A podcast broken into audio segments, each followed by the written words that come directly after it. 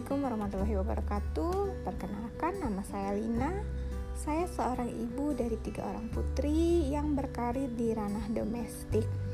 Um, podcast ini saya pergunakan untuk uh, sharing tentang berbagai hal yang saya pelajari, terutama di bidang parenting atau tentang pengasuhan anak. Nah, sekian perkenalan dari saya. Assalamualaikum warahmatullahi wabarakatuh.